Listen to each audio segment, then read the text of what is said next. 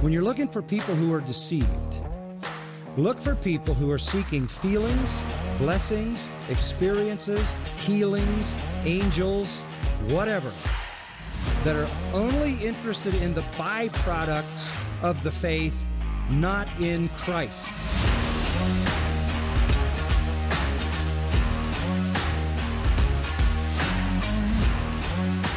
Come out from among them. Run for your life. Because this is about your life. It's not just about an opposing theology or a conflicting viewpoint on Jesus. This is about your life. Run from gospels that focus only on success and prosperity. Run. Run from churches where men and not Christ are glorified. Run. Run. Body of Christ, run. Get out. Run from churches where you're comfortable in your sins.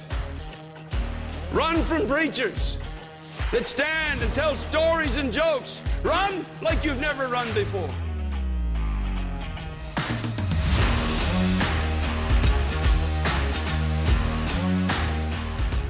Hvis ikke Herren bygger huset, hvis det ikke er Han som leder arbeidet, hvis det ikke er Hans ord vi bygger på, Hans ord vi handler på, ja, da handler vi, da bygger vi, da arbeider vi forgjeves.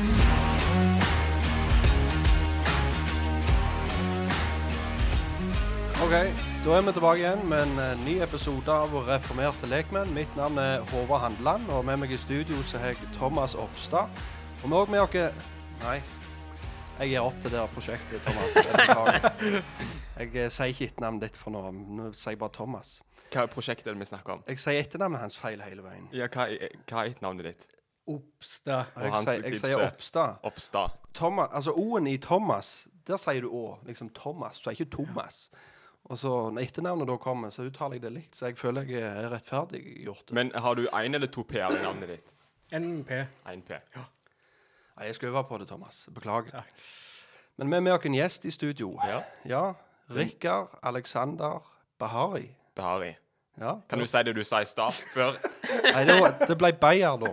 Men det, det, Rikard Alexander Beyer sa jeg til deg. Så meg og navn, det, det er ingen god kombinasjon. Så, men jeg er god til mye annet, Ja. så der veier jeg opp igjen for det. Men velkommen. Tusen takk. Det er jo min første gang her. Ja, Kanskje det er den siste òg. Nei, det tror jeg ikke. Ja, For dere som ikke kjenner Rikard, og Rikard han er evangelisten i menigheten vår. Eller han som leder evangeliseringsarbeidet. og Det har vært i noen år nå. Og det skal vi snakke litt om litt seinere. Ja. Men litt av grunnen for at vi er med deg i studio i dag, det er jo for at som vi sa om Asbjørn eh, no for noen episoder siden, at han hadde vært litt i vind i det siste, og det er du òg.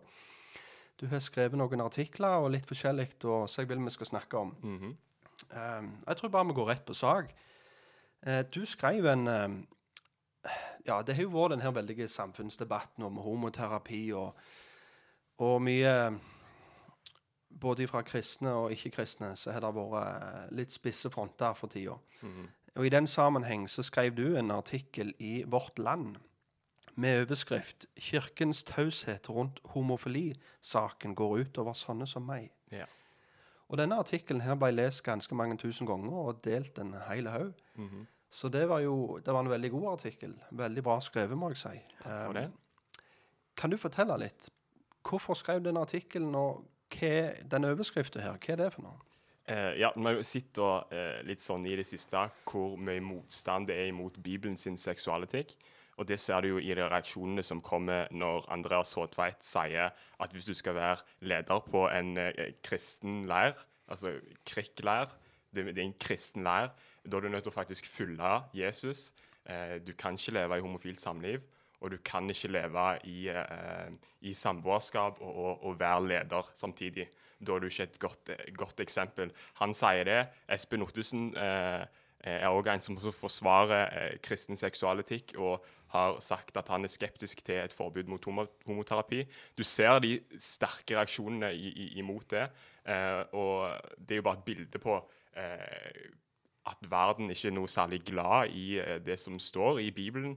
Eh, og så jeg sitter som et resultat av det her, så har eh, kirka blitt litt sånn taus. Eh, vi er redd for å forsvare Bibelen. Eh, og det tror jeg har litt med at vi, vi, vi, vi er rett og slett eh, redd for at folk ikke skal like oss, da. Eh, Og så har, har det vært litt sånn spesielt for meg, for eh, jeg er en kristen som ønsker å følge Jesus, men som føler på såkalte sånn homofile følelser. Så sånn jeg starter artikkelen min, jeg kan ta og lese bare helt sånn starten her. Der skriver jeg jeg er en kristen, jeg tror på Bibelen, men er tiltrukket av folk av samme kjønn. Av og til, fordi det er enkelt å forstå, kaller jeg meg selv bifil, men det er ikke min identitet. Og så skriver jeg videre om at eh, som kristen så eh, identif vi identifiserer oss ikke med våre synder. I, ikke de som er, er medfødte Altså ikke må medfødte følelser og tilbøyeligheter heller. Jeg er født eh, som en egoist på mange måter, og det er det som ligger naturlig med men jeg kaller meg ikke en egoistisk kristen. Eh, det er ikke min ident- identitet. Det er følelser som vi har, ting som faller naturlig for oss, eh, som er en del av eh, det vi kaller for syndefallet, som Bibelen beskriver. Um, så det er ikke hva vi føler som, som definerer hva som er rett. Det som er rett, eh, det defineres ut ifra det vi ser, eh, det vi ser i Skriften. Eh, videre her så, eh, så skriver jeg jo om den store Um, store motstanden imot Bibelens seksualetikk som jeg snakket om, og hvordan det får folk til å være tause, hvordan det får menigheten til å være tause. Eh, og hvordan det da skaper problemer for folk sånn som meg, som føler på de følelsene. Eh, for de sitter på en følelse om at det her kan ikke jeg snakke med noen om. For kirka vil ikke snakke om det, og da blir det sånn Å ja, OK, det, det her må jeg holde hemmelig. Eh, og så blir det veldig vanskelig, og så vet man ikke hvordan man skal forholde seg til det ut ifra det, et kristen verdensbilde ut fra det som står i, i Bibelen. Eh, og jeg skrev ikke akkurat det i artikkelen, da, men hvis det er sånn at man føler på eh, sånne følelser, man føler deg tiltrukket til folk av samme kjønn, og eh, Kirka sier ingenting om det, og du ikke får vite eh, hvordan du skal forholde deg til det ut ifra det som står i Bibelen, så står jo Pride-gjengen med åpne hender og sier 'kom til oss'. Eh, så gjennom at vi ikke snakker om det her, så gir vi egentlig Pride-bevegelsen og verden liksom monopol på opplæring i, i seksualetikk, og det syns jeg ikke er bra. Så det var derfor jeg skrev den artikkelen. Det er jo et veldig bra poeng. Jeg syns det var veldig frimodig av deg. For, for det er jo det er ikke mange kristne som Eller de som kanskje kjenner på de her tinga, vil kanskje, som du sier, ikke stå fram om det. For, for i dag så blir det jo En blir hylla, applaudert hvis en kjenner på de her følelsene og kanskje òg lever de ut. Men hvis en kjenner på de her følelsene som en kristen ikke vil leve de ut, da blir en kanskje fort et offer for uh, mange uh, ringe kommentarer. Og det er vel Hvordan er mottakelsen vår når du på en måte har ytra deg på denne måten? Vel, faktisk, som jeg sier med akkurat denne art- artikkelen her, så jeg har ikke, hørt sånn, jeg har ikke hørt sånn veldig mye sånn negativt, eh, sånn direkte eh, retta mot meg. Noe av grunnen til det tror jeg er fordi eh, jeg skriver såpass personlig at eh, eh, ligger litt lenger inne og kritisere. Og i tillegg så er jo eh, det her eh, Det har vært på verdidebatt, som på det kristen, kristen side, da. Eh, men jeg vet jo at det er mange som er, er kritiske til, eh, til det her. Um, eh, og noen vil, vil si at jeg undertrykker min identitet, og at dette mm. ikke er, er bra for meg. Det kommer jo tydelig fram i debattene som har vært om det her. Ja. Uh, om homoterapi og, og sånn, der de har eh, sagt at eh, all former for homoterapi er måte Det er undertrykking og overgrep osv. Ja. Du, du nevnte noe litt tidligere om at eh, du ikke vil si det er din identitet. Snakk litt om det. Hva, hva, hva blir feil? Du sa du vil ikke kalle deg for en homofil eller bifil, men Ja. det er det det blir kalt, sier du. Og hvis det blir lettere for folk å forstå, så kan du bruke det. Men, Ja. men hvorfor blir det feil av deg? Hvorfor, føler du det blir feil å kalle deg for homo? Uh, vel, det blir jo feil å kalle meg for homo siden jeg òg er tiltrukket av kvinner, så det er jo en ting. Men, men i tillegg til det, uh, så ligger det Altså ordet homofil eller ordet bifil uh, Når du bruker det, så gir du inntrykk for at det, det her er den jeg er, det her er rett og riktig, det her er måten jeg skal leve på. Eh, så jeg ser, det, ser på det som veldig egentlig misvisende å så si at, eh, si at jeg, er, jeg, jeg er bifil. Eh, og, og samtidig så tror jeg at det Når vi ser hvordan, Bibelen snakker om identitet, så, står det, så ser vi ikke at vi skal identifisere oss med, med hvem vi var, altså, og med, med våre egne følelser. Eh, men Bibelen er veldig på å, å, å fortelle oss om at vi en gang, en gang var mørke, men nå i Herren så er vi lys. Vi var en gang døde, men nå er vi levende. Og det er ikke sånn at vi er syndfri på noe vis. Men vår stilling i Kristus er som levende, som rettferdig.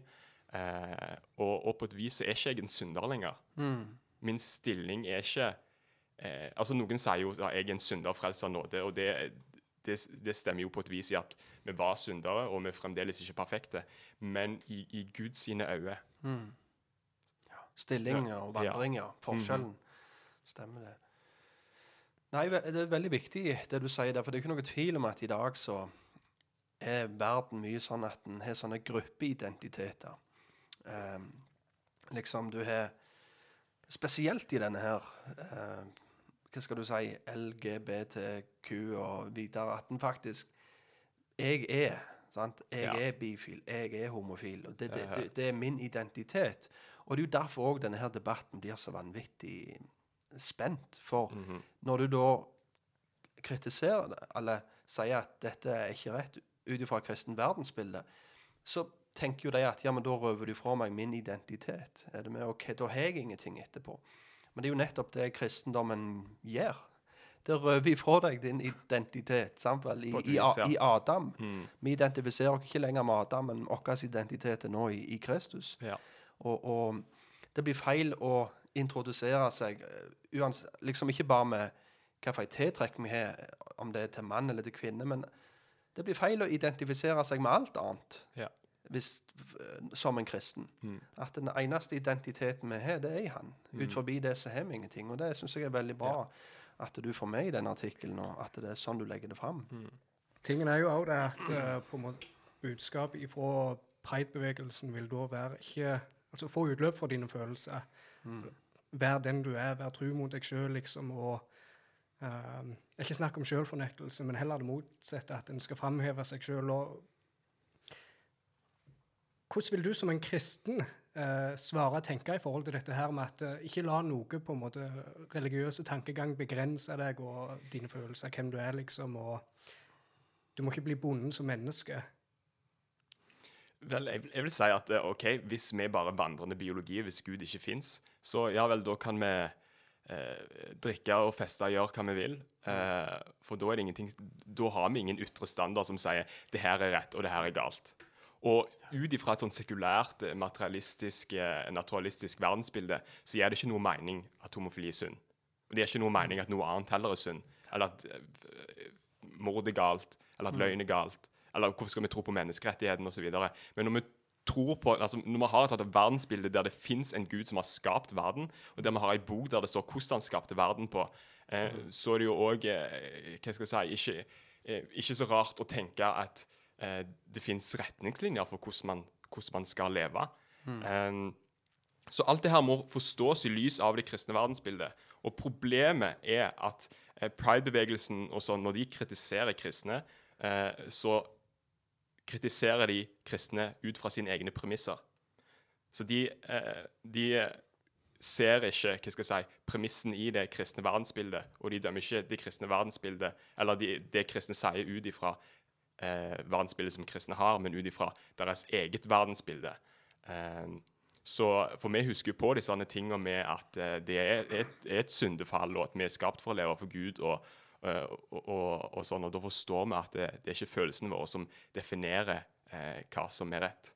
Eh, men når det kommer til sånn begrensning og sånn, så eh, vil jeg egentlig si at hvis det er sånn at det er følelsene våre som definerer hva vi må gjøre, eh, så ser jeg òg egentlig på det som en begrensning, for da må jeg gjøre alt jeg føler. Eh, det, at jeg, det at jeg må leve ut følelsene mine, virker egentlig for meg mer, en, mer, mer, mer som slaveri enn en frihet. Nei, veldig interessant. Men det var ganske spontant at du i det hele skrev denne artikkelen. Ja, på et vis. Altså, det var jo pga. at det her var sånn oppe i media at jeg kom på å skrive det. Ja. Så det var ikke sånn jeg hadde tenkt på i ukevis. Det var veldig sånn Og jeg skrev den uh, på ganske sånn kort tid òg, så det var altså å bare OK, ja, kanskje burde skrive noe om det.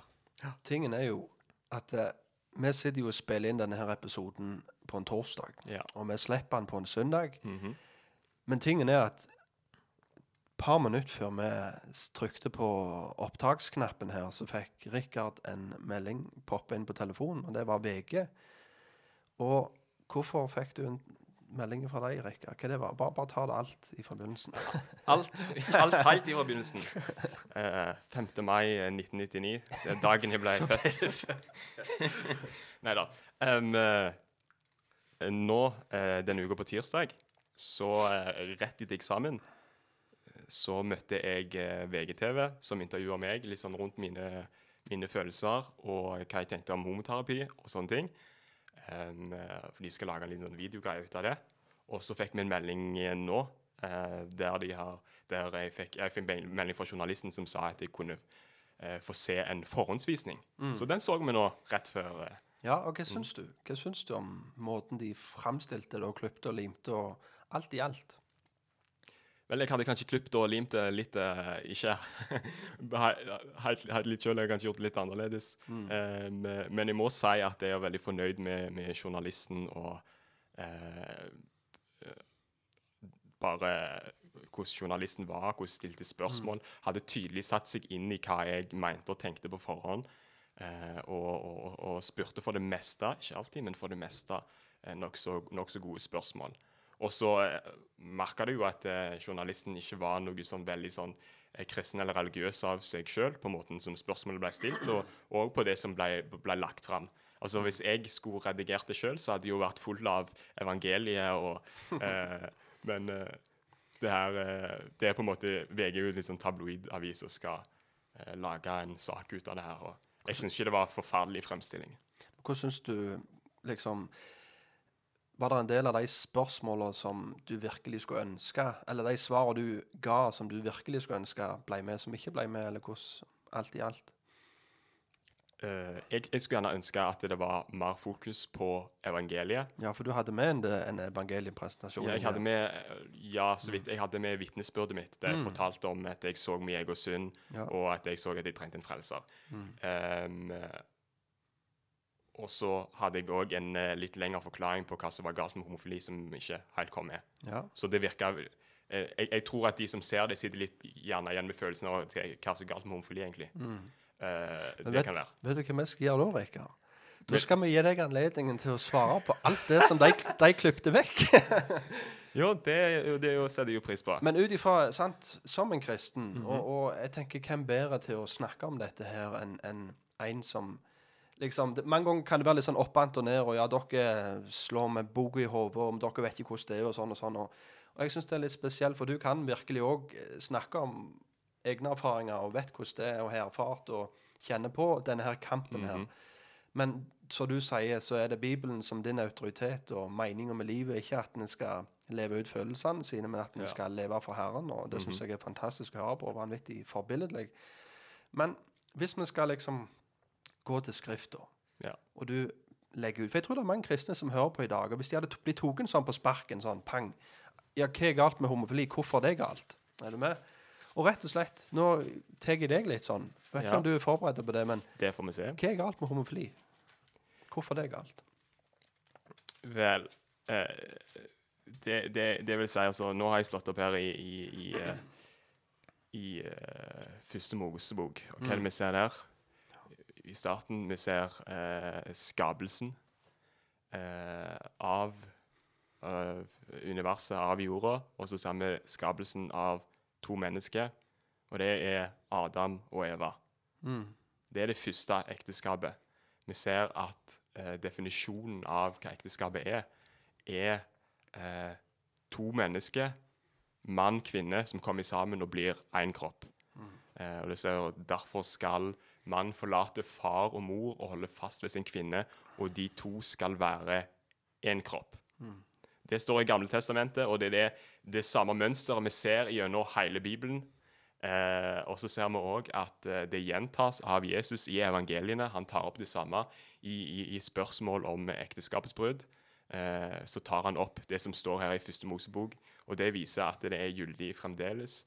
Eh, og så er det jo noen som sier ja, det her er jo bare et eksempel, og du kan ikke dra normativ lære ut av, ut av, ut av det, for det står ikke der at, det er, at eh, mann og mann og kvinne og kvinne er galt. Det står bare at de første var eh, mann og Ja, for det, det er jo faktisk et av de tingene, eller det kritikken som ofte kommer. Ja. Faktisk i, i, blant bekjennende kristne mange ganger, som har gått litt over til vi vil si liberale syn og tanker. De vil si ja, ja, men Jesus han sa jo ikke noe om homofili. Liksom, Jesus han, han sa bare mann og kvinne. Han sa aldri at det var galt å leve homofilt. Og så går vi da til Paulus, og så sier vi der står det en del. Ja, ja, men Paulus, det er ikke Jesus. Vi følger Jesus. Hva svarer du til en sånn? For mange som hører dette, så vil de si ja, herlighet, og så har de et svar. Men hva, svarer du? Så sier jeg at hver bok i Skriften er innblåst av Gud. Og, og så vil jeg si at det er mange ting Jesus ikke snakker om eh, rent sånn eksplisitt. Eh, det betyr ikke eh, at han ikke har en mening rundt det. Eh, det Paulus skriver Altså apostel, hva det betyr, det blir sendt. Sendt av hvem? Av Jesus. Stemmer det? Paulus, når han skriver, snakker ikke, snakker ikke ut ifra sin egen autoritet. Han, han eh, sitter på eh, Guds autoritet, og som en apostel så kan han eh, si ting som er eh, Guds blåst, om du vil. Og det er jo interessant når, når Paulus ble møtt av Herren i Damaskus, eh, og han fikk, ble frelst, så ser vi òg seinere, når Paulus sjøl skal fortelle sitt eget vitnesbyrd, så sier han på en måte at For Paulus han var et, utvalgt, var et utvalgt redskap for Herren. Så det Paulus sier, og det han gjør, det var for Herren hadde sagt han skulle si det, og gjør det. Og det er igjen tilbake til det du sier, at hva er en apostel? Jo, det er en som er utsendt, ut, utsendt fra Jesus, og bærer budskapet av Jesus til mennesket. Så det, der òg har du jo bare en veldig grunnleggende feil. Men Ja. finner jo veldig fort ut når du snakker med folk som bekjenner seg som kristne, prøver å sette opp en skillevegg mellom det Jesus sier og det apostlene sier, at, det, at en har veldig lågt syn på Bibelen Ja. og et veldig høyt syn på mennesket, og en setter seg sjøl som autoritet over Skrifta, Mm. istedenfor å la Skrifta være vår autoritet. Men kan jeg eh, Det her var punkt én, så nå vil jeg gå til punkt to. Ja. Punkt én er at ekteskapet er imellom mann og, og kvinne. Eh, men eh, egentlig der så eh, Bare det sier jo ikke noe om hva som er galt med romantiske relasjoner mellom andre enn mann og kvinner. Men det vi ser i Skriften, da, er at eh, det virker som om hvis jeg sier det virker som om, så er jeg ganske sikker.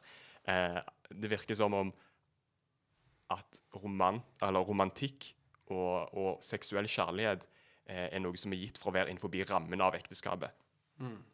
Det ser vi gjennom hele Skriften. Ehm, det som er utenfor rammen av ekteskapet, det kaller Jesus for. Det kaller apostlene for hor. Eller ekteskapsbrudd. Um, så Det er jo derfor vi òg vil være imot sex for ekteskapet, fordi vi tenker at det bryter med ekteskapsordningen. Det er derfor man skal være trofast mot eh, kona si, for det å ikke være trofast mot kona si, det bryter med ekteskapsordningen.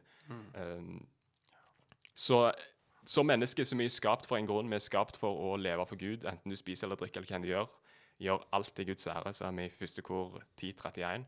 Um, så òg romantikk skal være til Guds ære. Og for at det skal være til Guds ære, så må det være i tråd med eh, sånn han har sagt at det skal være. OK. Jeg, jeg, jeg eh, tar også litt sånn devil's advocate, som det heter. Okay. Nå kommer jeg og fyrer deg med en del spørsmål som er der ute. Er det gode spørsmål, eller er det dårlige spørsmål? Det er dårlige spørsmål, Ja. men, men, men jeg, jeg stiller de for det. Ja. Ja. men Kan ikke jeg få lov å elske den jeg vil? Hva Eh, er galt med å elske? Ja, du må, du må,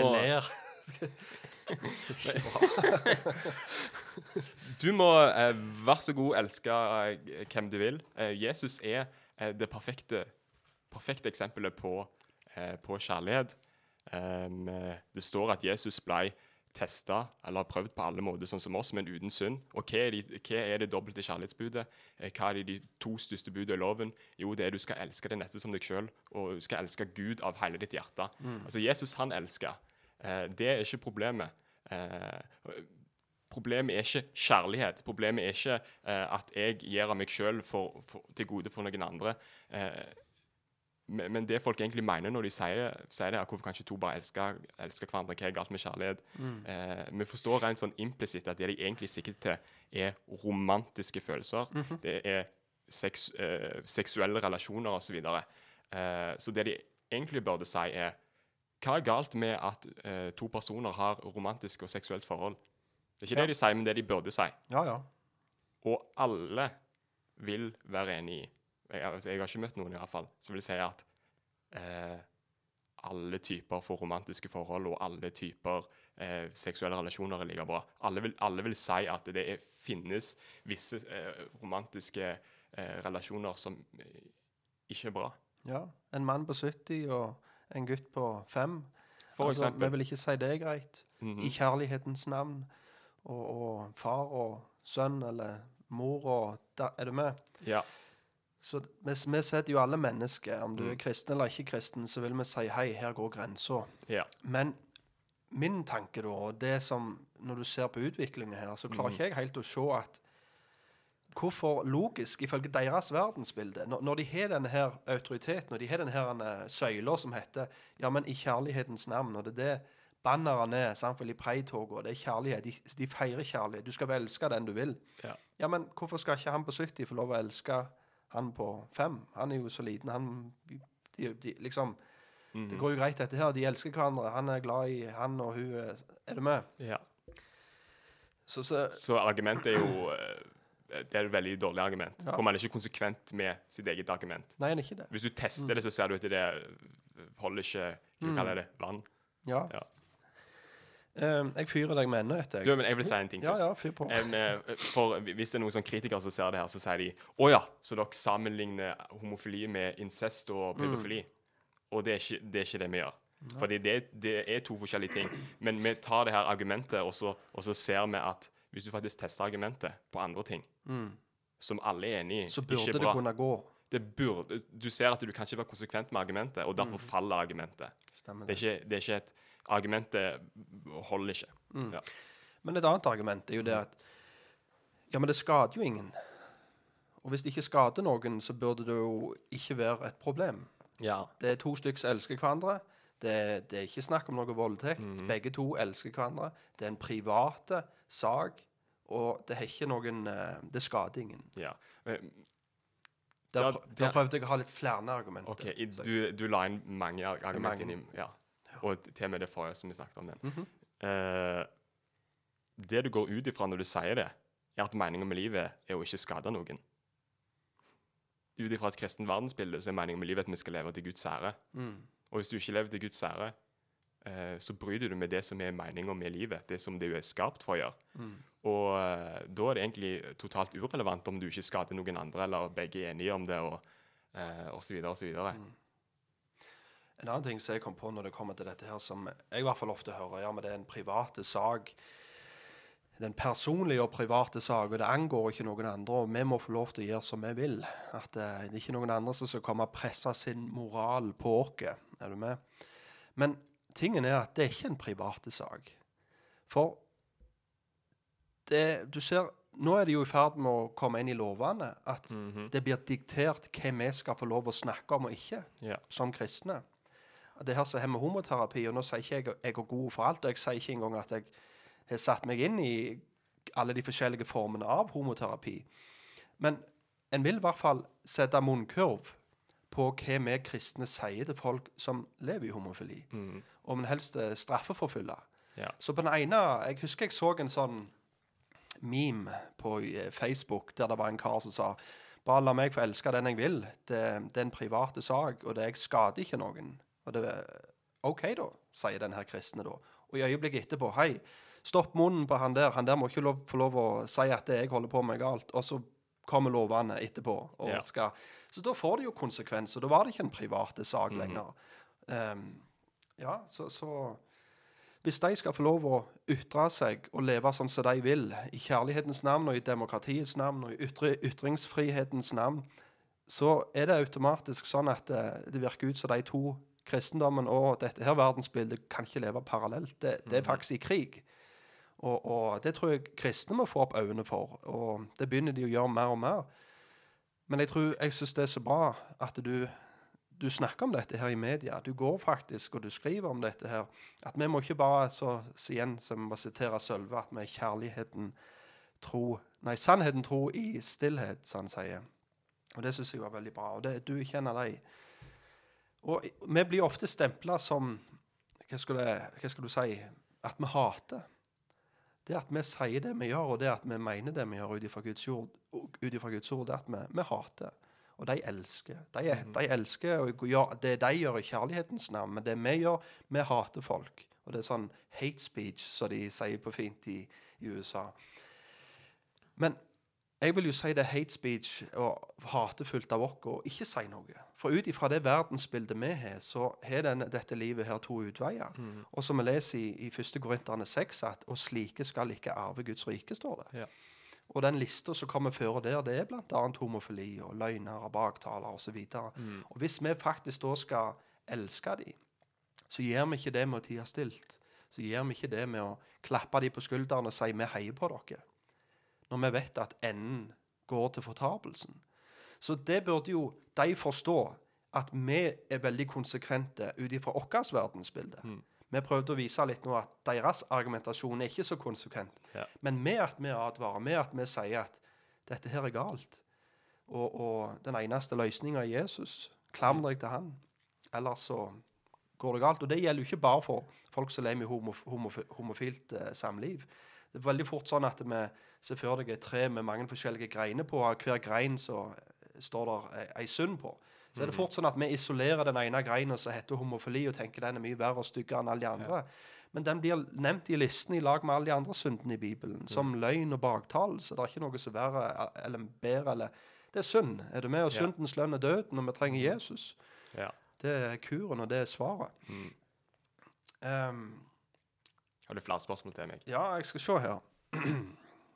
En av kritikken som kommer fram, det er jo at når en kristen eh, legger fram sitt syn på ekteskap, og eh, vil si at homofili ifølge Guds ord er synd, så er jo noe av kritikken kan jo være at dine tanker kan føre til at folk tar selvmord. Eller Mm, folk med homofile følelser tar selvmord. Er det egentlig i det hele bevist? Eller hvordan er det overdrevet sagt? Eller Um, jeg tror ikke det er overdrevet sagt at det er folk som syns det her er vanskelig, og som resultat av depresjon osv. tar eh, selvmord. Og det at det skjer, er jo ikke bra. Det er jo kjempeforferdelig. Og det er jo noe som Kirka burde tenke over. At OK, det her skjer, og så burde vi se på nøyaktig hvorfor det skjer. Jeg, jeg tror ikke det er sånn at folk tar selvmord bare alene fordi at de får høre at homofili er synd. Ehm, det vet jeg ikke om det Jeg vet ikke hvordan du kan komme fram til en sånn konklusjon, eller hvordan du kan si det uh, helt, sånn sirk, uh, helt sånn sikkert. Um, men det er mange som anklager kristne for at uh, deres følelser Nei, deres meninger fører til det. Um, det. Det vil si, da, er at jeg, jeg tror det at Kirka ikke snakker om det her, kan gjøre det vanskelig for folk og gjøre at de føler på depresjon eh, og, og, og sånne ting. Og så vet vi jo at det, eh, når vi lever i en, i en fallen verden, så, eh, så møter vi på mange problemer. Altså ikke bare homofili, men andre problemer. Folk som sliter med synd. Em, så kan det kanskje sitte litt på følelsen av at eh, OK, hvis, eh, hvis jeg bare eh, blir hetero, f.eks., eller hvis jeg bare blir kvitt denne synden, eh, så vil Gud elske meg. Eh, og det bryter jo ganske mye med det vi ser i evangeliet, eh, der vi ser at vi ikke kan gjøre oss fortjent til frelsen, men Gud elsker oss på tross av hvem vi er, og at han i sin kjærlighet har tenkt å forandre oss. Eh, så hvis du sitter på den følelsen med at jeg er nødt til å bli god nok for Gud, og hvis ikke elsker, elsker ikke han meg, eh, eller si du blir, eh, du blir litt sånn offer for eh, stygge kommentarer, du drar på sånn gay camps og, og eksorsisme som ikke stemmer overens med Bibelen og sånn. Jeg tror mange, mange sånne ting kan eh, ha veldig negative eh, følger da, for, for folk som føler på disse følelsene, og kan, kan føre til ting som, ting som ikke er bra. Eh, men jeg vil òg si at eh, det at folk eh, syns det her er vanskelig, eh, det at folk eh, syns at livet med homofile følelser er vanskelig, og det på et vis hadde vært lettere ut, uten de følelsene hadde vært lettere hvis man kunne leve de ut. Eh, jeg vil ikke si at det på noen måte rettferdiggjør homofili. Det vil jeg være veldig klar på. Ja, det, jeg, jeg, jeg, jeg sa det i den der eh, VGTV, under VGTV-intervjuet at ja, det har noen ganger vært vanskelig. Men det er ikke sånn at fordi det er vanskelig, så kan jeg med mine følelser eh, redefinere ekteskapet. Når Gud har sagt at ekteskapet er mellom mann og kvinne. Jeg kan ikke gjøre det noe mer enn jeg kan med mine følelser få to pluss to til å bli fem. Og det, det er så bra det du sier der, for dette her er jo ikke bare en kamp som, som du kjenner på, og kanskje andre òg kristne som kjenner på en tiltrekning av det samme kjønn. Men dette her er en kamp som alle kristne må jobbe med. For, for, for vi alle kjenner, kan kjenne på begjær og seksuelle fristelser i forskjellige former. Og vi er alle kalt til å fornekte dem. Ja. De som er gift, er kalt til å fornekte dem og, og holde seg til sin hustru. Og, og, og de som er single, er kalt til å leve hellig og vinne sin hustru i hellighet. Um, og, og sex ut forbi ekteskapet. Det er også noen Selv om en kjenner på det og blir frista til det, og, og alt som har med pornografi å gjøre, og sånn, så vi er jo omringt av et sånn en seksuelle fristelser overalt, for å si det sånn. Ja. Og, og kanskje det som du er litt inne på der, at det er noe vi er litt tause om Ja. I menigheten. Jeg tror det er en stor seier for Satan at eh, alle disse tingene har blitt så lett tilgjengelige, og jeg tror det er ufattelig mange kristne som sliter med det, og derfor så tør en ikke helt å røre det. Mm. Um, men jeg syns det var et veldig fint uh, sjelesorgisk aspekt du tar med der. For det er jo det vi ønsker. Vi, vi vil ikke være de som sier Bibelen sier homofili er galt, ferdig med det, omvend deg, eller så går det for å ta punktum. Ja, vi må ha evangeliet. Det er viktig. Det er det som Ja. ligger til bånn. For vi ønsker at de skal bli frelst. Vi ønsker ikke som kristne å gå ut i verden Hei, dere, lev litt mer sånn som oss er på vei til fortapelsen. Så blir det mye bedre for oss. Er du med? Ja. Vi ønsker jo faktisk at de skal bli frelst. De skal bli født på ny. Akkurat sånn som oss. Det handler ikke om å gå fra homofil til heterofil, men det handler om å komme, gå ifra, fra åndelig død til åndelig levende. Fra vanhellig til hellig. Fra urettferdig til rettferdiggjort. Ja. Og det er det som er det kristne budskapet. Um, jeg, jeg hadde et um, Kan jeg snakke litt om eh, Jeg vet ikke om det er et punkt på lista di, men uh, hva råd man skal gi til noen som føler på sånne følelser. Ja, Ja. kjør på. Um, for, for det tenker jeg er veldig viktig. Okay. Det, var, det var et punkt på lista. det var et punkt. på lista. ja, så bra. Ehm, ok, Sier du i en sånn situasjon da, at det kommer noen bort til deg og sier at du, jeg, jeg, jeg føler meg tiltrukket av folk av samme, samme kjønn. Hva, hva gjør du da, hvis det er en i menigheten? Uh, det har jeg uh, tenkt litt på. Og, og det jeg vil si der, um, er at jeg tror det første du skal gjøre, er å ikke si så mye. Uh, bare lytte på hva han har å si. Og så, eh, etter du er ferdig med det, si, så tar du noen skritt tilbake, og så eh, kan du begynne å spørre litt. Hva, hva, er, hva er evangeliet? Begynne å grave litt. Hva, hva forståelse har denne personen av kristendommen, og, og hva det her går ut på? For det er så mange som kommer eh, og Homofili og, og, og, andre ting òg. De, de tror at det er deres eneste problem. Eller de tror det er hovedproblemet. Det, her er, det her er veldig normalt hvis det er folk som sliter med, med pornografi. Eh, de kommer, og så sier de ah, jeg, 'Jeg sliter med det her, og jeg har prøvd å slutte, får det ikke til.' Og, og så går det veldig ut over deres glede. De føler veldig mye på skyld og skam og sånn. Um, og da kan de jo med en gang begynne å gi råd og, og ja, ja, eh, kaste ut TV-en og få vekk internett og, eh, og, og, og alt det her. Og jeg sier, jeg sier ikke at det, alle sånne råd er dårlige, men jeg tror vi må ta noen skritt tilbake igjen, og så, og så må vi spørre Kan du forklare meg hva er egentlig evangeliet? Hva går alt der ut på? Og de må forstå det at de er skapt for en grunn. De er skapt for å leve til ære for Gud. De er skapt for å elske Han. Problemet deres er at de har ikke gjort det perfekt et eneste sekund av livet deres. Og om, eh, altså hvis vi snakker om homofili, om de hadde vært så hetero som det går an, så hadde det ikke vært noe nærmere Gud av den grunn. Det er ikke homofili som er problemet. Det er ikke pornografi som er hovedproblemet. Det er en symptom på problemet. Jeg, jeg vil faktisk fylle litt videre på den, hvis det går greit. For jeg tror hovedproblemet med dere mennesker det er at vi er en avgudsfabrikk. Ja. At vi bytter ut Gud med andre ting. For vi er skapt med et begjær. Begjæret i seg sjøl er det ikke noe galt i. Vi er skapt med, som mennesker med, med behov. Og vi er skapt med lengsler. Vi er skapt som drømmende vesen. Vi er skapt som mennesker som vil lage ting. Men når vi med de lengslene etter å lage ting lager oss avguder, med de begjærene som vi er skapt med, får de tilfredsstilt de andre ting enn Gud, da blir det en avgud. Og det som er så interessant, som står her i Kolosserne 3, så, så leser vi Hvis dere da altså ble oppreist med Kristus, så søk de ting som er der oppe, der Kristus sitter ved Guds høyre hånd. Ha sinnet rettet mot de ting som er der oppe, ikke mot de ting som er på jorden. Dere er jo døde, og deres liv er skjult med Kristus i Gud. Når Kristus, vårt liv, åpenbares, da skal også dere bli åpenbart sammen med ham i herlighet. Overgi da derfor deres jordiske lemmer til døden. Hor, urenhet, syndig begjær, ond lyst, grådighet, som er avgudsdyrkelse. Og det syns jeg er veldig interessant, for ja, med, med den lengselen vi har, den ble vi skapt med for at han skulle få en tilfredsstillelse i Gud.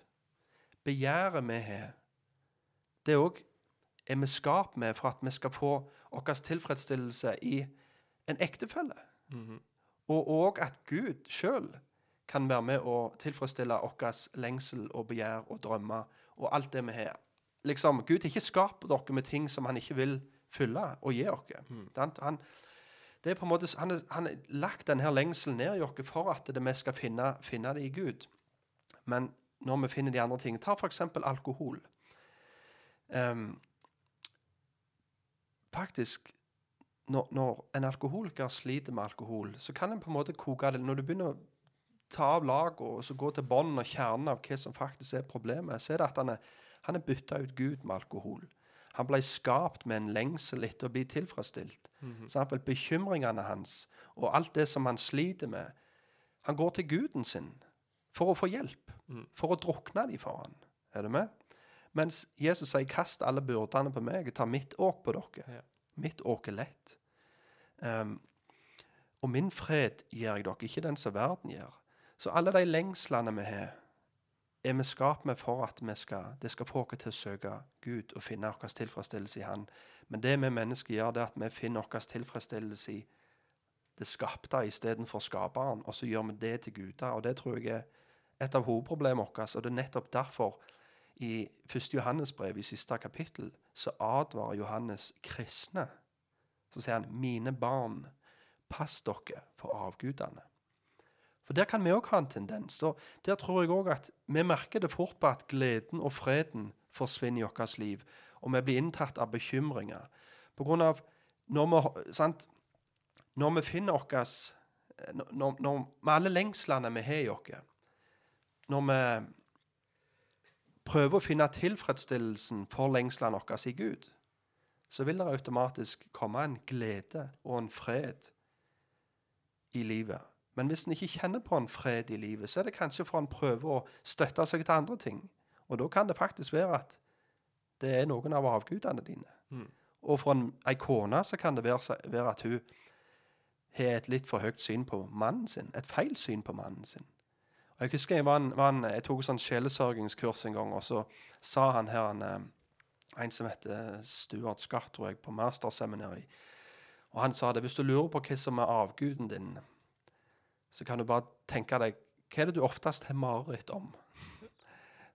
og for mange som har, har du en familie, så er det ofte det du verste som kunne skje, det er at du mister kona eller mister en unge. Eller, og, og, selvfølgelig, det er en forferdelig ting.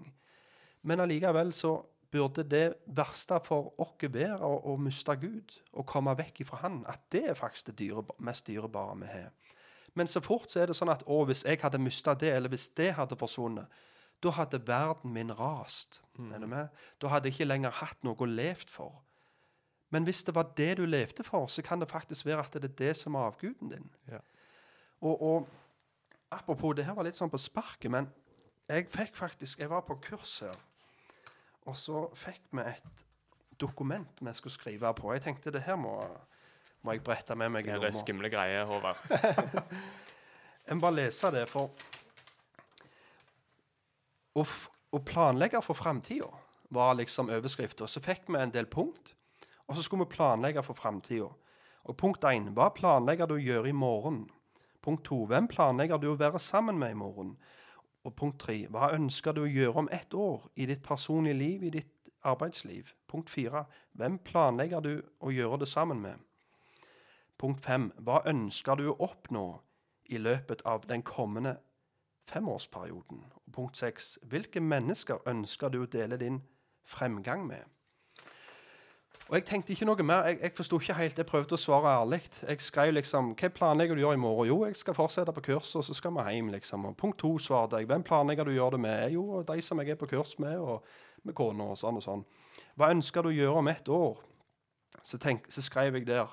Så meg litt rundt, for jeg, jeg måtte rekke opp ei hånd, så spør jeg skal vi lese dette høyt etterpå. Så, så, så sa hun nei, vi skal ikke gjøre det. OK, da skriver jeg det jeg mener. Hva ønsker du å gjøre om ett år? Ønsker jeg fortsette å investere i familien og menigheten? Eh, hvem planlegger du å ha sammen med deg i dette her? Jo, familien og menigheten, skrev jeg. Og punkt fem, Hva ønsker du å oppnå i løpet av den kommende femårsperioden? At Guds rike skal spre seg i verden, skrev jeg der. Hvilke mennesker ønsker du å dele din framganger med? Familien og menigheten, skrev jeg. Og etterpå vi hadde gjort det, så sa hun OK, nå bretter dere lappen, og så river dere den i stykker og hiver den på gulvet.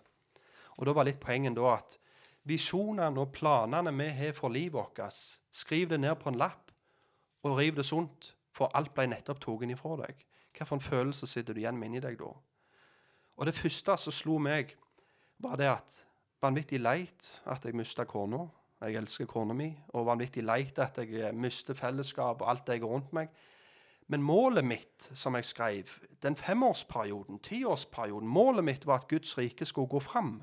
Mm. Og jeg kjenner om jeg, mine planer om at Guds rike skulle gå fram, ble revet sånn, så vet jeg at Herrens rike går fram uten meg.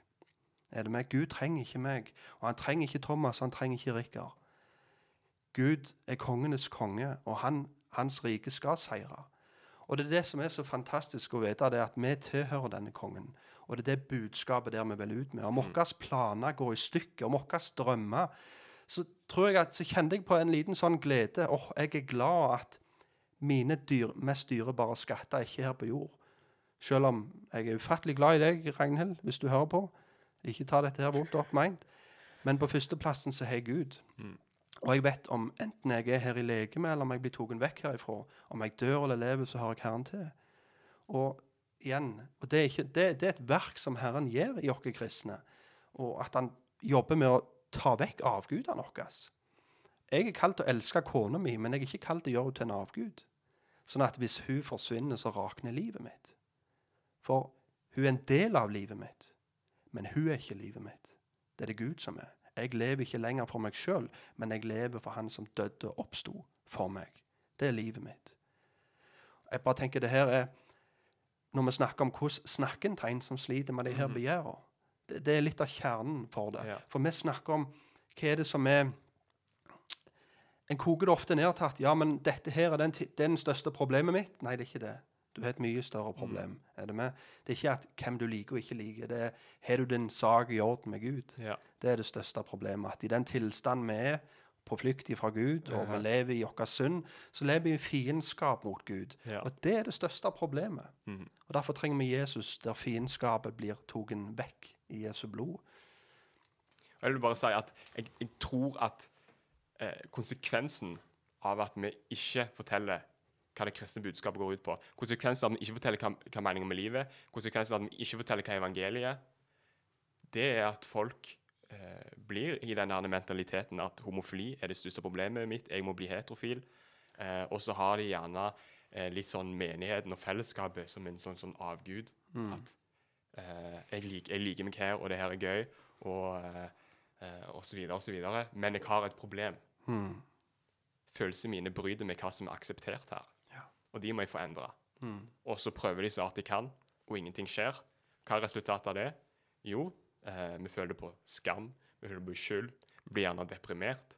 Og så sier vi det her går ikke, jeg får ikke til det kristne livet. Gud vil ikke helbrede meg. Hvorfor vil ikke helbrede? Han liker meg sikkert ikke. Mm. Jeg reiser, og så blir du, eh, blir du en av de som forlater, forlater troa og sier 'jeg har prøvd det, funker ikke', og så går du i, i eh, eh, gjerne i pride-parade og, og, og feire, feire, det motsatte. Du har bestemt deg for at det, nei, det er mye lettere for meg å leve, leve ut. Mm. Eh, leve ut mine følelser. Og problemet der er at vi ikke har, sett og forstått hva som er meningen med livet. At vi er skapt for å leve for Gud.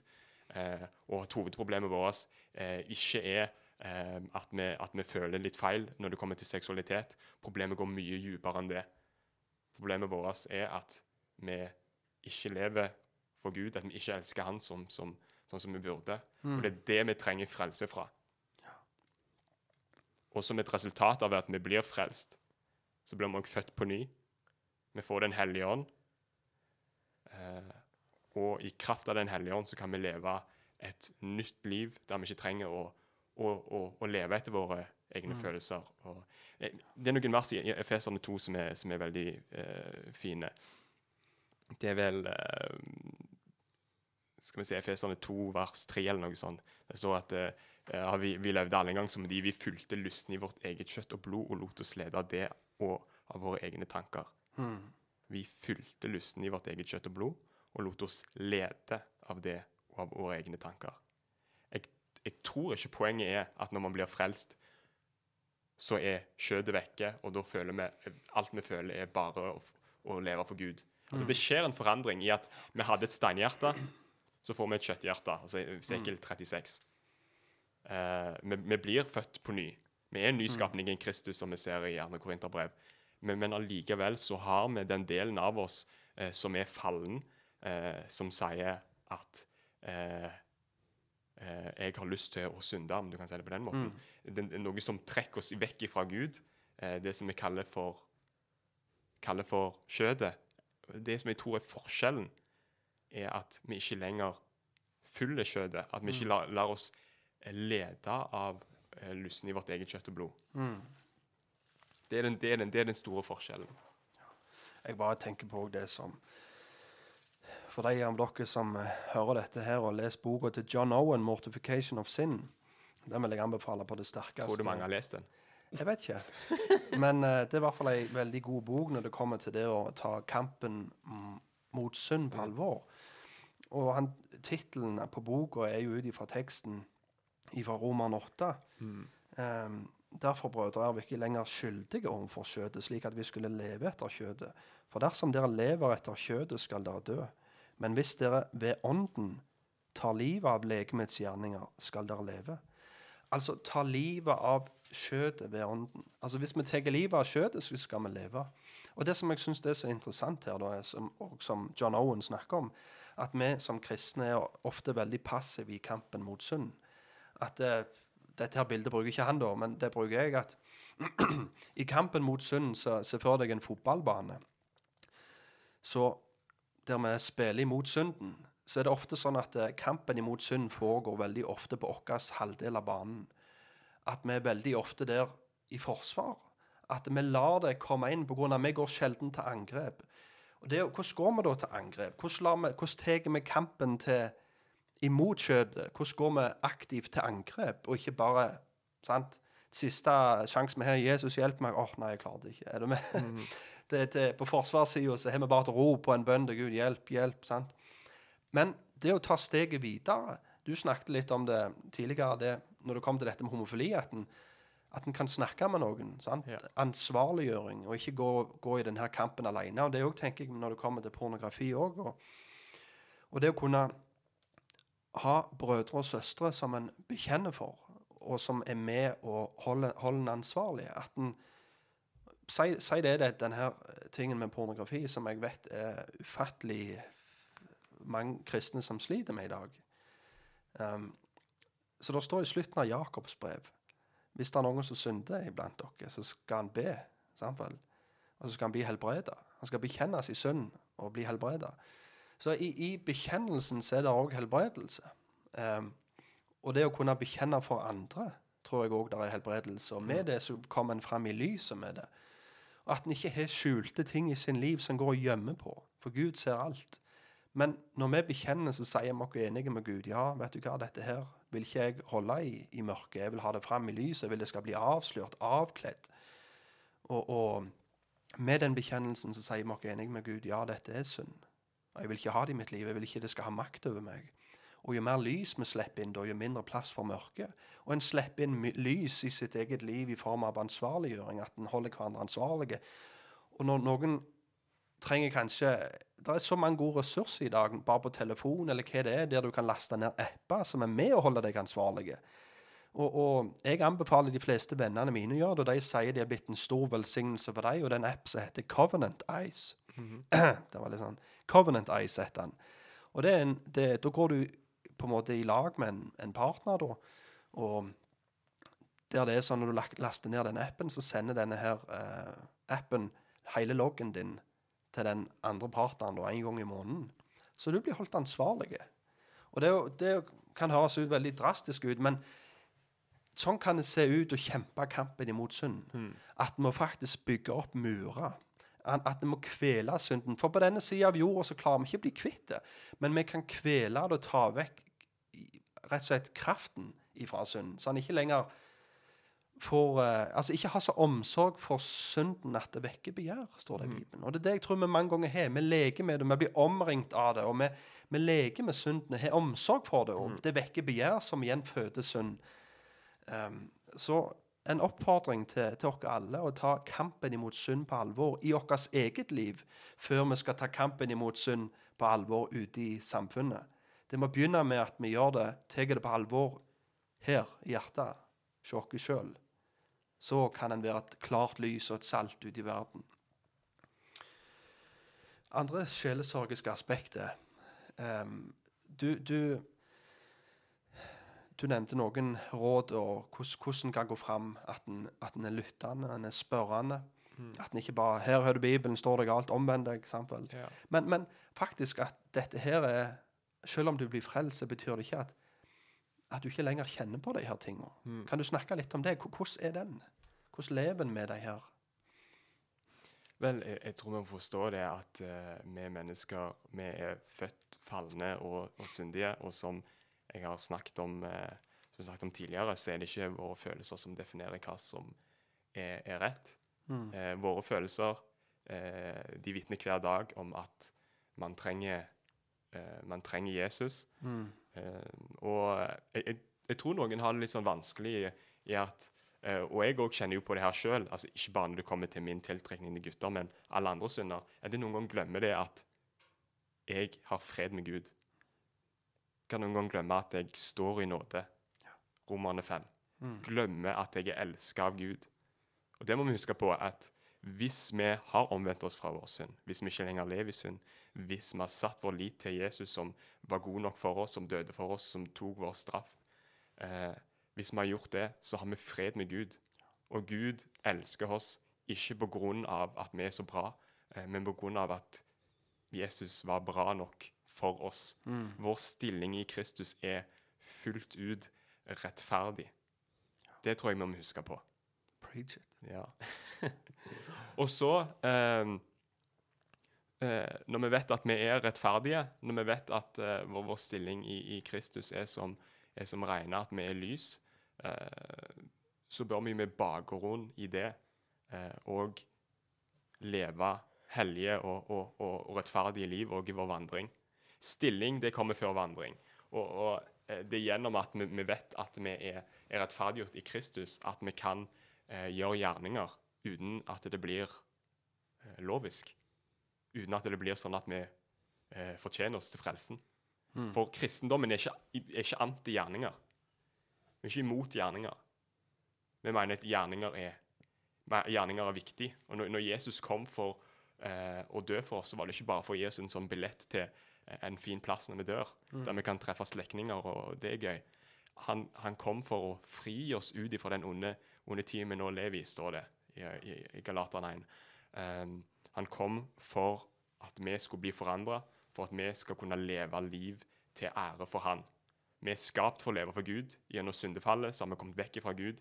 Når Jesus kom, så var det ikke kun for oss å gjøre oss rettferdige, altså det er en del av det, men han kom for å bringe oss tilbake igjen til Han.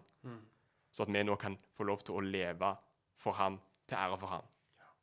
Og så lurer vi ok, ok, hvordan hører det her sammen? Hvordan er det sånn at eh, vi skal gjøre gjerninger uten at vi blir rettferdiggjort gjennom dem? Og da går vi til Efeserne 2, vers 8. Hva står det der? Jo, Fra nåde er dere frelst ved tro. Det er ikke deres eget verk, men Guds gave. Det hviler ikke på gjerninger for at ingen skal skryte av seg selv. Og så når vi kommer til vers 10, hva står det der? For vi er Hans verk skapt i Kristus Jesus til gode gjerninger. Som Gud på forhånd har lagt ferdig for at vi skulle vandre i dem. Så eh, det vi ser, er at vi er frelst av nåde ved tro til gode gjerninger. Kjempebra, Rikard. Og så Luther sa det var ikke, det er ikke Gud som trenger dine gode gjerninger, det er din nabo som trenger de. Mm. Eller din neste. Og det er jo på en måte, For å koke det veldig ned, så er det jo grunnen det vi snakker om. Hvordan elsker vi vår neste? Hvordan ser det ut? Det er jo overskriften for dette. her. Hvordan elsker vi Herren vår Gud, og hvordan elsker vi vår neste? Ja. Og det, det er det vi snakker om nå. Mm. Ehm, jeg, jeg har et siste sånn et uh, dilemmaspørsmål til deg. Er det vanskelig? Ja. Eller det får du bedømme. Ja. Jeg er født sånn. Aha. Gud har skapt meg sånn. Og nå sier du at uh, Gud vil ikke jeg skal leve sånn. Ja, men det er han som har skapt meg sånn. Jeg er født sånn. Ja. Uh, da, da igjen, um, som som jeg snakket om før, uh, så må vi gå inn i Skriften og se hva er, hva er det Bibelen sier om skapelsen. Jo, så det står at vi er skapt eh, av Gud. Vi er skapt i hans bilde. Vi er skapt for å leve for han. Eh, men så er det noe som skjer. Hva er det vi ser i, i, i første Mosebok, kapittel 3? Jo, vi ser syndefallet. Som et resultat av det kommer synd inn i verden. Som et resultat av det kommer lidelse, urettferdighet og alle de tinga. Og det gjør at vi er født med følelser som vi ikke burde leve ut. Jeg er født som en egoist. Jeg er født til å være ar arrogant og stolt. Jeg er født for å være en ekteskapsbryter. Så ingen mann er født med å være trofast mot én person. Nei, nei. Hvis vi skal være så helt sånn ærlige. Det, det, det faller ikke naturlig for noen. Det trengs eh, selvdisiplin. Man må fornekte seg sjøl. Og man må faktisk ha kjærlighet for kona si og si at 'jeg har lyst til å være trofast imot deg', uansett hva jeg måtte føle. Og Du kan ikke si 'ja, men jeg er født sånn, så jeg må få lov til å være utro fordi at det er det jeg føler på'. Du kan ikke bruke det som argument. Stemmer det. Da er alt lov. Ja, da er, da er alt lov. Hvem som kan, jeg lurer på, kan vi, kan vi være konsekvent med det, her, med det argumentet? Jeg er født sånn. Kan alle si det? Uh, jeg bare la meg gjøre det her fordi jeg er født sånn. Du kan ikke sette meg i fengsel. Jeg var født sånn. Det er ikke, hva, det er ikke de følelsene vi er født med, som definerer hva som er rett. Ja, Vi hadde ikke trengt mye skole og noe ting da, hvis sånn vi var født, var i grunnen standarden for vi, hva som var greit å gjøre og ikke greit. Hvis bare alle gjorde det de føler, så hadde verden vært eh, et bra sted. Nei, da hadde vi ikke trengt skole. Du, du trenger ikke lære en unge å være egoistisk eller å stjele. Nei, nei. Det kommer naturlig på bakgrunn av sånn han er født. Ja, men det, I, i synd har, har min mor omfanget meg. Hvordan Ja. det står i salme 'I synd ble jeg født', eller noe sånt. 51. Ja, salme 51. Jeg klarer ikke helt å ta igjen ordlyden. Men. Ja eh, Identitet. Um, ja, vi har snakket om eh, ganske mange av de her Jeg har vært gjennom de her kritiske spørsmålene. De jeg kom på. Ja. Men jeg vet ikke, kommer du på noen sånne Altså, ja, en ting. Eh, jeg husker jeg snakket med Å Nei, jernteppe. Vi må se om den dukker opp igjen seinere. Ja, jeg, jeg har lyst til å så gå litt videre og snakke om For du, Rikard, du, du er jo evangelisten i menigheten vår. Og hvordan er det det fungerer? Hva vil det si å være en evangelist i Norge i 2019? 2019. Det, det er akkurat som å være en eh, evangelist alle andre år. Vi har et budskap, og du forteller det budskapet til folk. Det er det som er definisjonen på evangelisering. Hvor går du hen? Hvor, eh, hvor går du hen? Vel, du kan gå hvor som helst. Akkurat eh, Det vi har gjort med menigheten, at vi har vært sånn ute på gata. Så vi har vært i Sandnes sentrum. Akkurat nå er vi i Stavanger.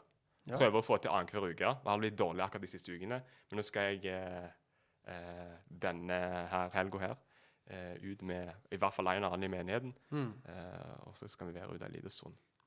Hvordan altså, det, det jeg tror de fleste syns er vanskelig. Mm. Du står der på gata, og det strømmer folk rundt deg. Alle er travle. Vi er jo nordmenn. Hvordan i alle dager begynner du en samtale? Ja, der har jeg ett godt råd, Ja. råd, og det er just do it. Just Ja. do it. Ja. Litt sånn der han eh, hopper uti vannet. Mm. Det er faktisk et litt godt bilde, det der. sant? Hvis, hvis du holder på iskaldt vann, sant? Det er litt hva slags type menneske er du? Om du vil pine deg sjøl, ta ett og ett steg, men hvis du bare hopper uti, så vender kroppen seg veldig fort til temperaturen. Og det, det, det slår ikke feil i Ja. evangelisering heller. Du må bare gjøre det. Men er det noen gode icebreaker eller noe sånt som kan gjøre det lettere? Eh, ja, det er det. Eh, jeg, eh, eller Menigheten de har eh, lagd noen sånn eh, traktat, som vi kaller det. Noen lapper der det står om evangeliet. Og jeg tror du kunne gitt folk hva som helst, om det var bare kvitt ark. Men bare å ha noe du kan gi, og, og si Hei, har du fått disse her? Kan jeg gi den her til deg? Og så videre. Så har du allerede fått oppmerksomheten deres, og så spør du gjerne hva det er. Og så sier du ja, det er evangeliet, og så videre. Eller så får du en samtale ut ifra det. Jeg syns det var mye vanskeligere hvis du skulle gå- gått opp til folk, og så Da er jeg ikke, ikke helt hva jeg skulle sagt. Hei, um, kan jeg fortelle deg om uh, Gud? Det eh, blir veldig fort kleint, da. Men hvis du, har, eh, hvis du har et eller annet du kan bare gi til noen, så mm. kommer det litt sånn mer naturlig. Hvordan er åpningsreplikken da? Er det sånn Hei, jeg er ikke Jehovas vitne, vil du ta denne her? Eh, nei, det tror jeg ikke jeg har sagt noen gang. Åh, det, tror jeg, det husker jeg. Jeg vet ikke om det var meg og deg, Thomas, men jeg tror det var meg og en annen kar. Vi gikk dør til dør. Og så ble det bare litt sånn at vi sa det av og til for løye. Vi er altså ikke Jehovas vitne, eh, sånn og sånn. For det er jo en veldig sånn typiske ting. Nei, jeg skal ikke høre på dere. Så hvis Ja. du klarer å få den inn i døra nokså tidlig, og at vi er altså ikke Jehovas vitner, men vi har lyst til å komme Ja. sånn og sånn. Ja, men det er jeg, sa han, og så smelte han igjen døra. oh, ja! så det, den eh, kunne vi ikke bruke mer. Nei. Jeg, jeg tror noen har spurt meg da Er du sånn Jehovas. Så, og men det beste spørsmålet jeg har fått, er Er du sivil? Sivil? Ja, sivilpoliti. Oi, ja, sånn, ja. Ja, nå skal du Ja. avhør. ja. Nei, men, men det du ofte pleier bare å spørre Ei, mister du denne? Ja, stemmer det. Det fungerer veldig godt hvis du står rett ved siden av togstasjonen. Og så folk springer, liksom. Det, av og til går det veldig fort der opp til togstasjonen. De skal røkke Ja. tog og sånn. Og hvordan i alle dager skal du klare å evangelisere da? Bare springer du og jogger du litt etter de og sier 'Hei, du mist, var det du som mista denne her?' Og så, nei, og så, de er jo så travle, så de ser jo ikke hva det er. Så bare tar de den, og så går de. Så får du gitt dem med traktater på toget. Og, så det kan fungere. Det har jeg ikke prøvd. Nei, her gir jeg deg litt ideer. Nei, men det, det er jo et ufattelig viktig arbeid, og man kan liksom Ja, men er, det noe effekt i det? Liksom, er det ikke mer effektive måter å gjøre det på, og sånn og sånn, og stå på gata? Jeg tenker vi må gå ut der folka er. Og, og jeg tenker alle menigheter bør ha et lokalt evangeliseringsarbeid, der menigheten er satt, der en kalt til å være et lys. Og jeg tror ikke det ene alene skal være sånn at evangeliseringsarbeidet til menigheten er at kollektkorga går rundt, og at en støtter en evangelist i et annet land. Men at når en men Jeg tror det kan være en fin ting òg, å, å sende støtte til de, det kristne arbeidet rundt i verden. Men jeg tror som en menighet så var en òg kalt til å være et lys og vise igjen der en er. Og at det å drive med et aktivt evangeliseringsarbeid som en menighet, det tror jeg er veldig viktig. Um, men det som ofte en ser skjer i dag, det er jo istedenfor at menigheten sender ut evangelister, så prøver en å gjøre samlingene og møtene såpass søkervennlige at en heller lettere klarer å få ikke-kristne inn. Så legger en det til rette for ikke-kristne. Og hva tenker du om den modellen der? Er ikke den vel så bra? Når vi ser i misjonsbefalingen, så står det 'gå ut' Mm. og gjøre alle folkeslag til disipler. Det står ikke 'gjør menigheten din så attraktiv at de får lyst til å komme der', og at de får lyst til å invitere med alle vennene sine, siden det er så sykt kult å være der. Eh, det, det er ikke det vi ser. Menigheten, altså av definisjon, er de kristne som samles. De Og- som er kalt ut. De som er kalt ut. Mm. Det er det som er betydningen av ordet kirke. Mm. Det, det er ikke et bygg eh, som vi lager veldig sånn attraktivt, som at alle som eh, ikke følger Gud, skal ønske å være der. Og det, det her er kanskje litt sånn sidespor, men det at vi gjør menigheten så attraktiv for de som er ute, gjør jo at budskapet blir vanna ned. Eh, for, for vi vet jo at eh, For det står i Skriften at mennesket, synderen, er i, i fiendskap med Gud gjennom de onde gjerningene de gjør. Mm.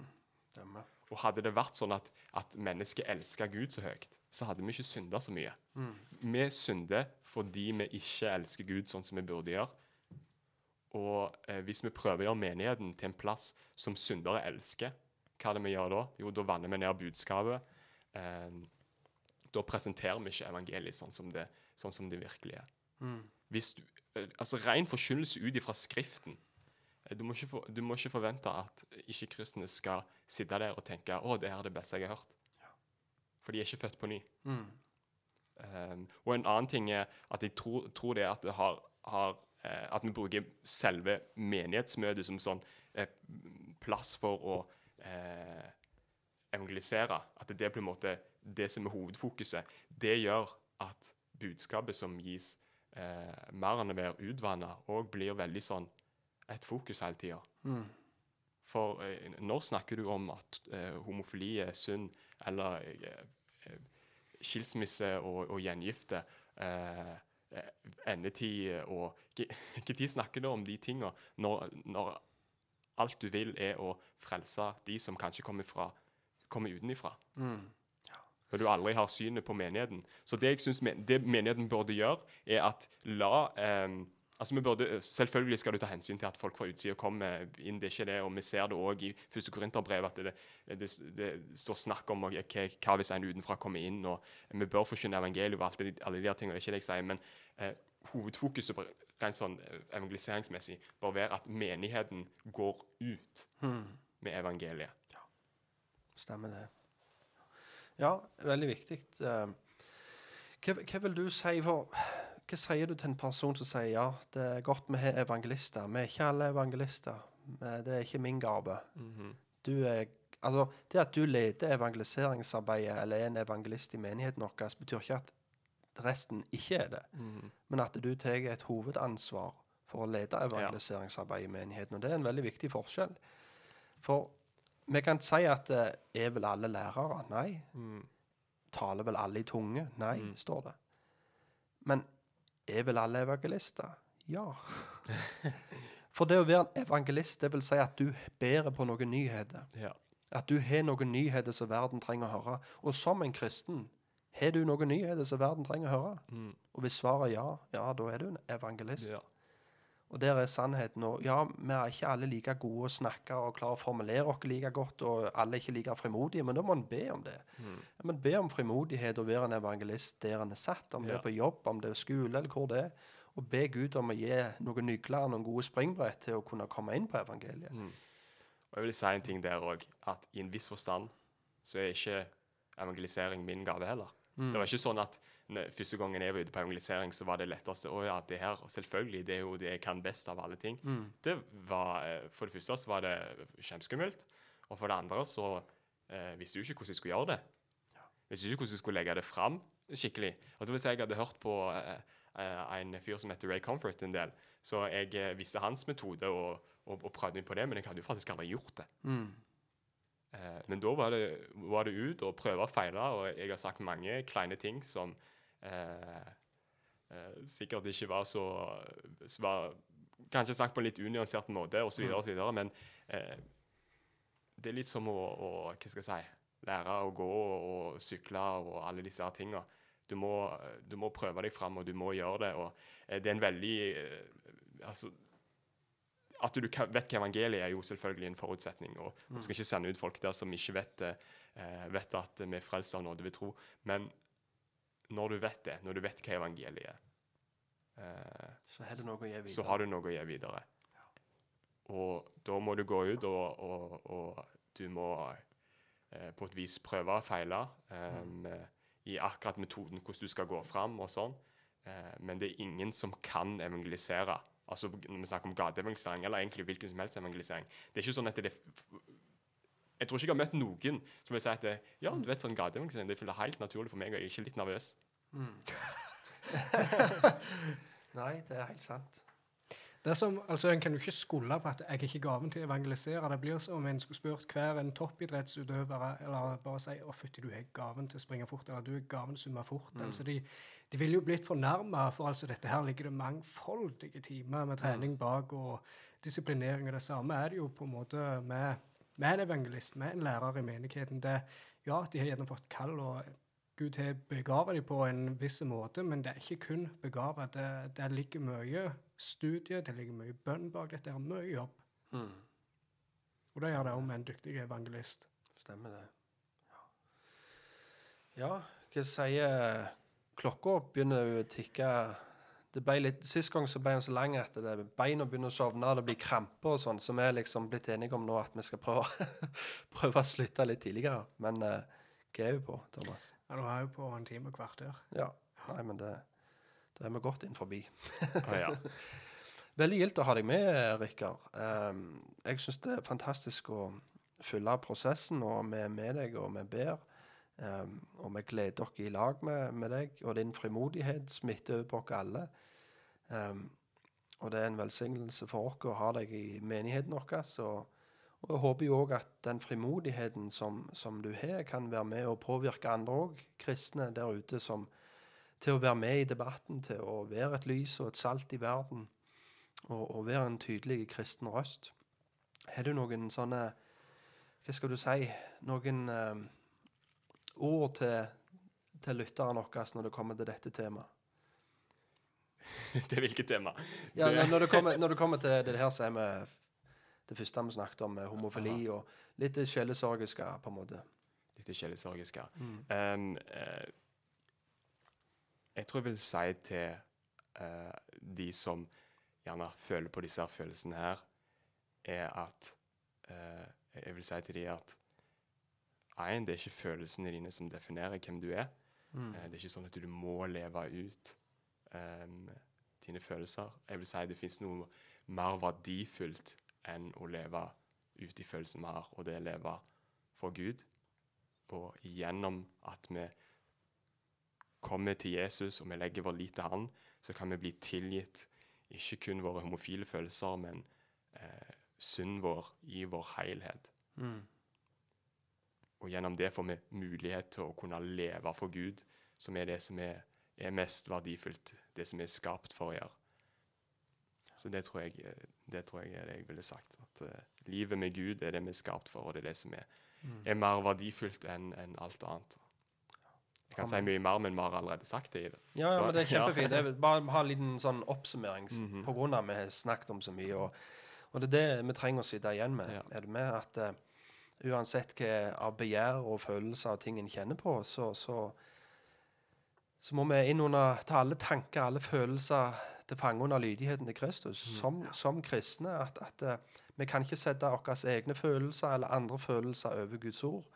At vi lever ikke lenger for oss sjøl med dyrt kjøpt. og Bibelen vår autoritet som kristne. Og, og hvis vi kaller oss kristne og ikke har Bibelen som autoritet, har ikke Jesus som Herre, ja, hvilken Jesus er det da vi bekjenner oss til? Hvilken Jesus er det vi sier vi tror på? For Jesus er en person. Han er frelser og Herre. Vi kan ikke bare si 'Jeg vil ha deg som frelser'. Du kan jeg vil ha løfter om evig liv, men jeg vil leve sånn som jeg vil, og definere hva som er rett og galt for meg.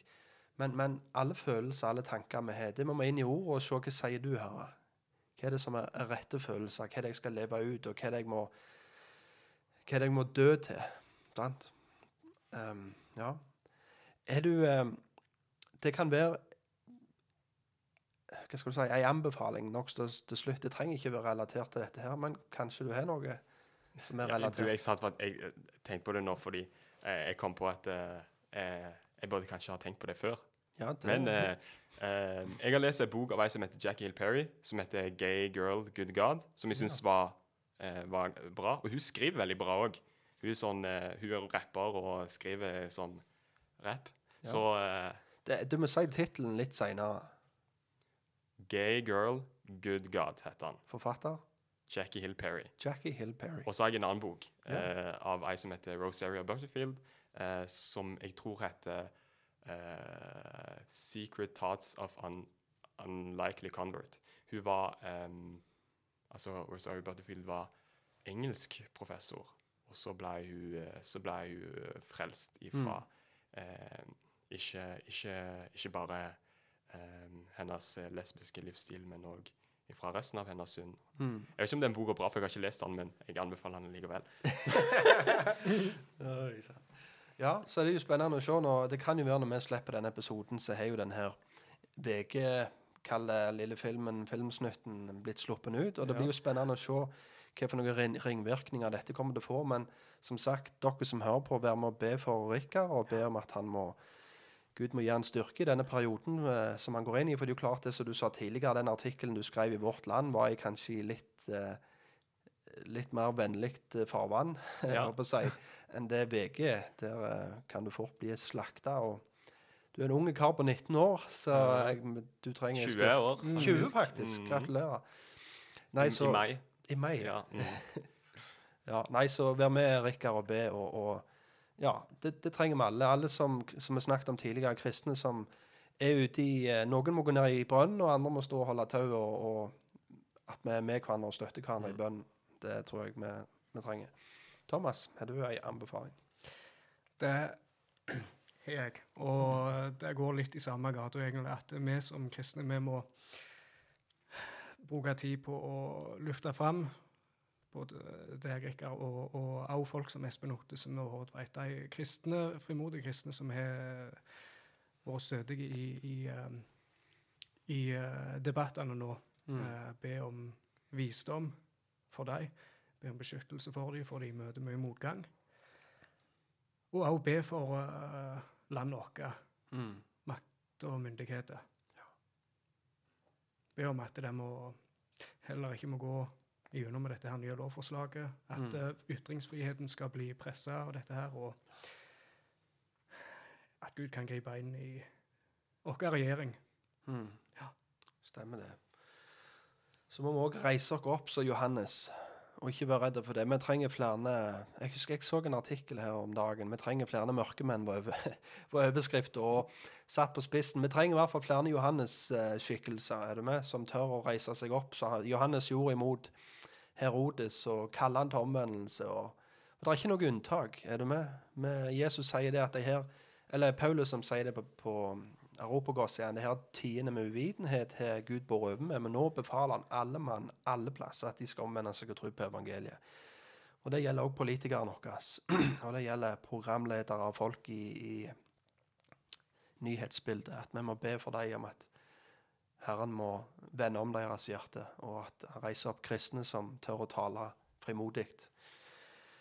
Eh, jeg tenker jeg vil slenge på en anbefaling. Jeg hiver på den her John Owen, 'Mortification of Sin'. Det er en ganske kort bok, men det en ganske heavy bok. Så det handler litt om hvordan skal kjempe kampen imot synd. Og den tror jeg alle kristne hadde gjort godt av å, å lest en eller annen gang i løpet av sin vandring med Herren. Fins det moderne utgaver av den? Jeg vet ikke. Det fins ordbøker. Det fins Ja. ordbøker.